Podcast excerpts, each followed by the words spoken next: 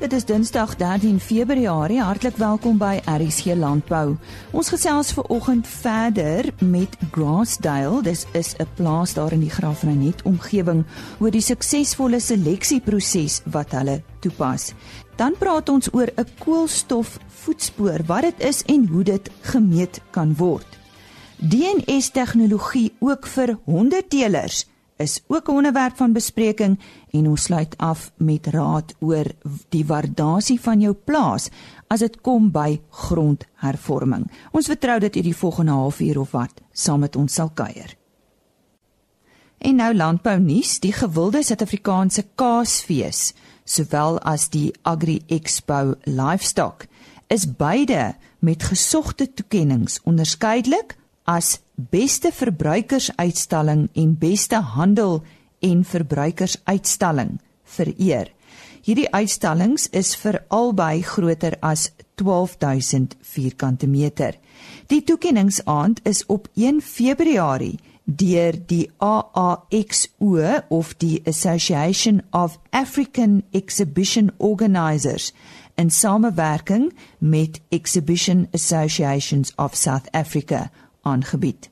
Agri Expo bied die SAKSfees die afgelope 16 jaar en die Agri Expo Livestock die afgelope 4 jaar aan. Volgens Johan Elers, hoofuitvoerende beampte van Agri Expo, is hierdie erkenning deur kenners in die uitstalbedryf nie net 'n pluimpie vir Agri Expo wat gehalte geleenthede vir die verbruiker aanbied nie, maar ook bevestiging van die landbousektor en agri-prosesseringsbedryf se kwaliteitprodukte sowel as die hoë standaard van uitstallings deur landbouinstansies. En vir die van julle wat gewonder het wanneer vanjaar se Kaasfees aangebied word, dit is vanaf Vrydag 27 April tot Sondag 29 April en die 2018 Agri Expo Livestock is van 11 Oktober tot 13 Oktober vanjaar. Ons het gisteroggend 'n onderhoud uitgesaai met Lionel de la Harp van Grassdale daar in die Graafry net omgewing. Hy is die pa van Jean de la Harp wat ver oggend met ons gesels oor hulle unieke seleksieproses wat hulle toepas onder hulle skape op die plaas. My Afrikaans is baie swak, so ek gaan verkies om in Engels te praat. If you don't mind that. Um I'm Jean de la Harp. I farm on Grassdale, which is situated um between Graafnet and Mariesburg. Ian Walsh from New Zealand, I met him 13 or 14 odd years ago. Um, my dad met him in Australia and um, liked the system that he was using and implementing to to select sheep, and invited him to South Africa. So we got him to come have a look at our animals, um, subjectively appraise our ewe flock, and then subsequent to that started testing our our rams and size that we use and sell, and that is a muscle scan that we test on the animals. John, vertel 'n bietjie vir die luisteraars waarom het julle spesifiek op die Falkirk indeksstelsel besluit? We saw the value in what Ian was doing and what he was selecting for in an animal, and that really brought us to realize that um, we were perhaps heading in the wrong direction with the selection methods that we were using. We were selecting ever larger animals that perhaps weren't as best adapted to our environment um, that we were looking for. So, um, with Ian scanning, we've certainly um, breeding a, a, much better adapted animal to our environment, and also animals that are producing more meat, blockier kind of carcasses on our on our animals, which is sought after by the um, retail sector and um, fast growing lambs and functional animals. So, what I'm trying to say is we um, selecting stock that really excel in our environment. Reg so John, en sê vir my van die voordele wat jy geniet behalwe vir baie goeie moedereienskappe en langslewendheid en goeie produksie en goeie karkaswaarde, wat is die heel grootste dividend wat jy kry op hierdie tipe boerdery? Yes, um, um, without a doubt, um, you get great joy and pleasure selling um, animals to, to clients who are being financially rewarded from the animals that they purchase from you. We're increasing the slaughter out percentages of our lambs through using this system. and our clients are reaping the benefits of that, and it's very financially rewarding for them. So um, it's a it's, it's it's a great feeling to sell animals, um, knowing with confidence that that is the end result. My contact details um, 040 555 1006 is my home phone number, and cell 084 676 3111. Thank you. Dit was aan die stem van Jean de la Harp. Nou môreoggend op RSG Landbou hoor ons juis van die Nieu-Seelander Ian Walsh. Hy praat spesifiek oor die skandering en die tegnologie. Onthou om dan in te skakel. Ons sluit nou aan by Henny Maas. Ons uh, gesels nou met Dr. Manre Marx van die uh, Unistel Geneeskundige Laboratoriums. Ons praat met hom dikwels oor DNS tegnologie. Die onderwerp vanoggend is DNS tegnologie ook vir hondetelers. Uh, ek het uh, so half vermoed dat dit ook belangrik kan wees. Dit is so nê, nee, Mandro? Absoluut en nie. Uh, in vandag se tye waar die honde sulke groot pryse uh, uh, haal, uh, is dit baie belangrik dat mense ook uh, daar moet uh, seker maak dat die teeling van die hond wat jy koop korrek is. Maar as mens nou kyk na sê maar uh, vee, jy weet beeste en bokke en skape, uh, die die die verskillende tipes uh, die noem dit maar die fenotipes is is veel minder as uh, onder die honde die verskillende rasse. Dis korrek ja. Hulle het die die die fenotipes en hoe hulle lyk is veel minder. Uh, maar mens moet ook onthou dat by die honde is daar baie geslote genepoele. Met ander woorde daar's min van die honde en hulle word oor en weer gebruik as jy uh, uh natuurlik uh, die 'n uh, klein genepool het dan moet 'n mens versigtig wees vir uh inteling en uh inteling of lynteling bring natuurlik goeie eienskappe uit en teel hulle vas maar daarmee gaan gepaard dat uh, jou genetiese toestande of jou swak eienskappe ook na, na vore tree en dit is ook daarso waar jou toets DNA tegnologie 'n belangrike rol speel om seker te maak dat eh uh, nadelige genetiese siektes nie ook teenwoordig is nie. Uh dit is so dat daar so baie verskillende eh uh, fenotipes is en as 'n mens nou maar ek dink nou net eh uh, uh, byvoorbeeld aan die boerboel as jy 'n boerboel koop, wil jy tog seker uh, maak dat jy regte lyn het. Met ander woorde dat die maag korrek is en die pa korrek is en dat jy 'n gesonde uh hond koop sonder uh moontlike heupprobleme of of of van die genetiese siektes wat voorkom by boerboele moet ook nie teenwoordig wees nie. Uh nou daar's nou heelwat belangstelling uit die wildboere se geleedere vir uh hierdie genetiese bepaling. Hoe is dit gestel onder uh die hondetelers? Kyk, dit kan baie uh, goed toegepas word. Met ander woorde, jy kan doodseker maak dat uh uh die teeling korrek is. Met ander woorde, as jy 'n uh, uh, skou uh uh gehalte hond koop, dan en en en daar word gesertifiseer dat die X die paas en en en Y die ma, dan moet jy seker wees dat dit uh, so is. Net soos in die wild want uh, want uh, die eienskappe of die lyn wat jy koop sekere eienskappe in gemeen het. 'n uh, 'n 'n 'n goeie temperament met kinders dat hulle 'n goeie bouvorm het, dat hulle groot honde is uh en dat hulle sterk uh, bespierd is, daai tipe van goed. So dit is belangrik daarvoor ook. Daar uh, daar is natuurlik ander genetiese toetse waar mense ook jou genetiese siektes meer kan bepaal en uitskakel. Nou vind julle dat die hondeteelers belangstel? Op hierdie stadium is dit beslis dat eh uh, uh, maak hondeteelers veral jou groot en en en, en goeie teelers maak gebruik van die DNA toetse om nou natuurlik ouerskap te bevestig. Dit is op hierdie stadium nog nie uh so algemeen dat die ehm uh, teelers van die uh toetse vir genetiese toestande uh uh gebruik maak by ons nie. Uh ek weet nie of die veeartse dit op uh van ander laboratoriums dat dit daar beskikbaar is maar by ons uh, lewer ons ons dienste nog sover meerendeels vir 'n uh, uh, vir Europese uh, kliënte. En dan is daar natuurlik nog die hele katbevolking ook. Ja, da, dit is presies dieselfde by die katte en uh, dit is uh, uh, baie belangrik by by die verskillende rasse van die katte byvoorbeeld die Mancoons of of of, of daai tipe dat daardie ras suiwer gehou word en dat eh uh, uh, seker gemaak word dat die teeling korrek is daarso. Daar is natuurlik daar by die katte ook eh uh, jou jou verskillende uh, haarkleure wat 'n belangrike rol speel wat ook getoets kan word. Ons sê baie dankie aan Dr. Manre Marx van die Unistel Geneeskundige Laboratoriums. Dankie nie. 'n Toename in kweekhuisgasvrystellings is die primêre faktor wat verband hou met klimaatsverandering wat weer gelei het tot aardverwarming.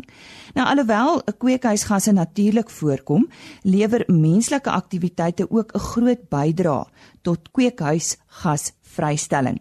Anel Blignout van Blue North vertel ons nou hoekom ons ons koolstofvoetspoor moet bepaal en uh, hoe hierdie berekeninge werk. Nou Anel, goeiemôre. Verduidelik eers vir ons wat presies is 'n koolstofvoetspoor? Môre Lisa. 'n Koolstofvoetspoor is basies net 'n meting van die groenhuisgasse wat jy deur jou aktiwiteite ehm um, vrystel, daagliks vrystel en dan natuurlik soos jy genoem het hierdie groenhuisgasse dra by tot aardverwarming. Hoe kan 'n produsent nou byvoorbeeld sy koolstofvoetspoor meet? Hy kan gaan, hy kan eh, daar's 'n verskeidenheid van koolstofvoetspoorrekenaars wat hy kan gebruik. Ehm um, die Confronting Climate Change beskik oor 'n rekenaar wat ehm um, vir die vrugte en wynindustrie in Suid-Afrika ontwikkel is, so spesifiek van toepassing op die industrie. En ehm um, Hy kan nou basies gaan en al sy inligting gratis op hierdie koolstofvoetspoorrekenaar invul en daaruit dan kry jy gedetailleerde verslag wat vir jou dan verduidelik wat jou koolstofvoetspoor is, waar jou knelpunte is en hoe jy dan kan verbeter. Nou hierdie rekenaar waarna jy nou verwys het, die Confronting Climate Change koolstofvoetspoorrekenaar, word hy internasionaal aanvaar? Ja, dit word internasionaal aanvaar. Dit is eerstens opgestel deur 'n internasionale standaard wat genoem word PAS BAS 2050 ehm um, te volg. Dis amper soos 'n resep vir koolstofvoetspoorrekenaars. Ehm um, so hy voldoen daaraan en dan het ons 'n stapie verder gegaan om dit deur ehm um, die Carbon Trust te laat onderskryf. Nou die Carbon Trust is 'n onafhanklike organisasie ehm um, gebaseer in Engeland wat hulle beywer om koolstofemissies ehm um, wêreldwyd te verminder. Hoekom is dit vir ons nodig om 'n koolstofvoetspoor te bereken? So vir 'n produsent is daar 'n aantal voordele hierin. Eerstens wat dit vereis van jou is om al jou insette in jou besigheid te begin meet. En as ek praat van insette spesifiek op 'n plaas, dan kyk ons nou na elektrisiteitsgebruik, brandstof, ehm um, jou landbouchemie, ehm um, ensovoorts, jou water. En dan ehm um, omdat jy hierdie insette begin meet, weet jy beter wat jy gebruik en kan jy dit dan nou later meer effektief begin bestuur. En dan soos ek genoem het, jy meet dit nou, jy sit dit in die koolstofvoetspoorrekenaar en jy kry die gedetailleerde verslag wat dan vir jou duidelik sê waar is die knelpunte in jou besigheid en waar kan jy effektiwiteit verbeter of waar kan jy miskien kyk na ehm um, beter tegnologie of ander tegnologie om sodoende jou koolstofemissies te verminder. En op die ou end van die dag maak dit jou meer volhoubaar, maar dit help ook om jou insetkoste te verlaag. Nou goed, ek is nou 'n produsent en ek het nou my koolstofvoetspoor bereken. Hoe weet ek of dit hoog of laag is en en wat beteken dit nou eintlik? Goed, so oor die jare wat hierdie koolstofvoetspoor rekenaar nou al bestaan, het daar 'n verskeidenheid van produsente al hulle inligting ingevul en hierdie inligting is deur ons nagegaan om seker te maak dit is korrek en dit is van hoë kwaliteit die inligting wat ingevoer is en sodoende het dit ons toegelaat om oor tyd industrie maatstawwe saam te stel. Nou hierdie maatstawwe word spesifiek vir 'n sekere area en vir 'n sekere kommoditeit um, saamgestel. So as 'n produsent sy um, inligting ingevul het, volledig ingevul het, en hy kry dan die verslag, is hierdie maatstawwe dan vir hom beskikbaar in die verslag, in die koolstofvoetspoorverslag. en hy kan hom dan self meet teenoor hierdie maatstawwe. Eerstens in sy koolstofvoetspoor wat uitgedruk word as kilogram CO2 ekwivalent per kilogram vrugte. Ehm um, en dan word dit ook jou jou verskillende gebruiksrekords, byvoorbeeld jou elektrisiteit of jou diesel, ehm um, of jou landbouchemie, word daar ook 'n maatstaf voorgegee. So dit is baie duidelik waar jy hoog en laag is in jou besigheid en watter areas jy dan nou gaan moet begin aanspreek. Is dit verpligtend om jou koolstofvoetspoor te bereken? Dit is op hierdie stadium nie verpligtend nie, maar as al hoe meer omgewingsstandaarde wat um, dit as 'n vereiste stel. So definitief het dit vir jou voordele in vir marktoegang en vir markretensie. Ehm um, en dan as jy begin dink aan die koolstofbelasting wat vir Suid-Afrika uh, voorspel word, dit is nog nie definitief of dit geïmplementeer gaan word vir landbou nie, is dit ten minste vir jou voordelig om so lank te begin meet sodat jy in 'n posisie is indien daar koolstofbelasting kom, jy gereed is om ehm um, jou emissies te kan kwantifiseer en en verslag daaroor te lewer. Anel, so wat kos so iets? Op die oomblik word die projek befonds deur die vrugte en wynindustrie liggame en die Weskaapse departement van land, landbou. So vir 'n produsent self of hy op die oomblik niks te betaal om die ehm um, rekenaar te gebruik nie. Jy gaan net na ons webwerf, jy registreer jouself en jy kan onmiddellik uh die koolstofvoetspoorrekenaar gebruik. Daar is wel onkoste aan as jy wil opleiding hê in ons werkswinkels. En dan ook as jy spesifieke um ondersteuning benodig, is daar sal daar 'n onkoste aan wees. Anelma, wat gebeur nou as ek nou nie in daai bedryf is in die Weskaap waarna jy nou verwys het nie? As ek nou heeltemal iets anders vervaardig of ehm um, ek het beeste op my plaas, ehm um, kan ek ook kan ek ook daarvan gebruik maak, dan gaan dit my seker meer geld kos. So, die rekenaar is ontwerp, ehm um, soos ek voorheen genoem het, daar's verskillende stelsels, verskillende ehm um, produkte. So hy is vrugte en wyn, so dis vir meerjarige gewasse ontwerp. So as jy byvoorbeeld piesangs groei of mangos groei vir tropiese gewasse, dan kan jy hom ook gebruik. So hy is, hy is ook vir enigiemand in die hele land om te gebruik. As jy ehm um, beeste of skape het, dan gaan hy nie so goed vir werk nie. Daar's 'n aparte ehm um, stelsel wat ehm um, mense gebruik vir lewende hawe. Ehm um, jy kan hom wel gebruik om van jou insette in te meet, maar dit gaan nie vir jou die akkuraatste koolstofvoetspoor gee nie. En as ons kyk dan nou na eenjarige gewasse, as ons kyk na grane, is daar ook 'n afsonderlike stelsel wat mens nodig het om daarvoor te gebruik. So as ontwerp vir meerjarige gewasse en daarvoor sal jy die akkuraatste koolstofvoetspoor kry. Nou hoe lank neem dit om hierdie koolstofvoetspoor te kan ek sê bepaal? Vir meeste mense is die eerste jaar wat jy dit doen. Ek dink jy moet dit doen vir 12 eh, jy moet 12 maande se inligting hê. Die 12 maande hoef nie noodwendig te loop van Januarie tot Desember nie. Dit moet dit moet hoofsaaklik al jou produksieaktiwiteite insluit. Goed, so dan jy eerstens jou 12 maande se data ingesamel. Van daar af om dit in die rekenaar in te sit neem jou nie te lank nie. Dit hang maar net af van jou ondervinding. So die eerste jaar vat tipies 'n bietjie langer. Die rede daarvoor is dat jou data oral lê in jou organisasie. Die die spuitrekords lê by die gifstoor en die Eskom elektrisiteitsrekords lê iewers eh, by 'n rekening afdeling en jy moet al hierdie goedjies bymekaar kry om in die rekenaar in te sit. So dis waar die meeste tyd ingaan. Van die tweede jaar af kon jy sisteme in plek gesit het en jy kan jou inligting mooi versamel. So vir die regte gesoute mense vat dit so uur eenmal 'n jaar om al hulle inligting in te vat. So dis dis dis regtig nie ehm, 'n um, baie moeilike en tydsame proses nie.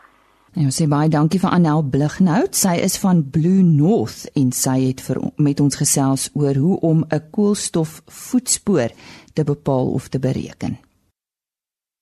Eiendomswaardasies vorm 'n belangrike deel van die grondhervormingsproses. Nou sodra 'n produsent sy plaas aan die departement aangebied het as deel van die grondhervormingsprogram, moet 'n waardasie van die grond gedoen word.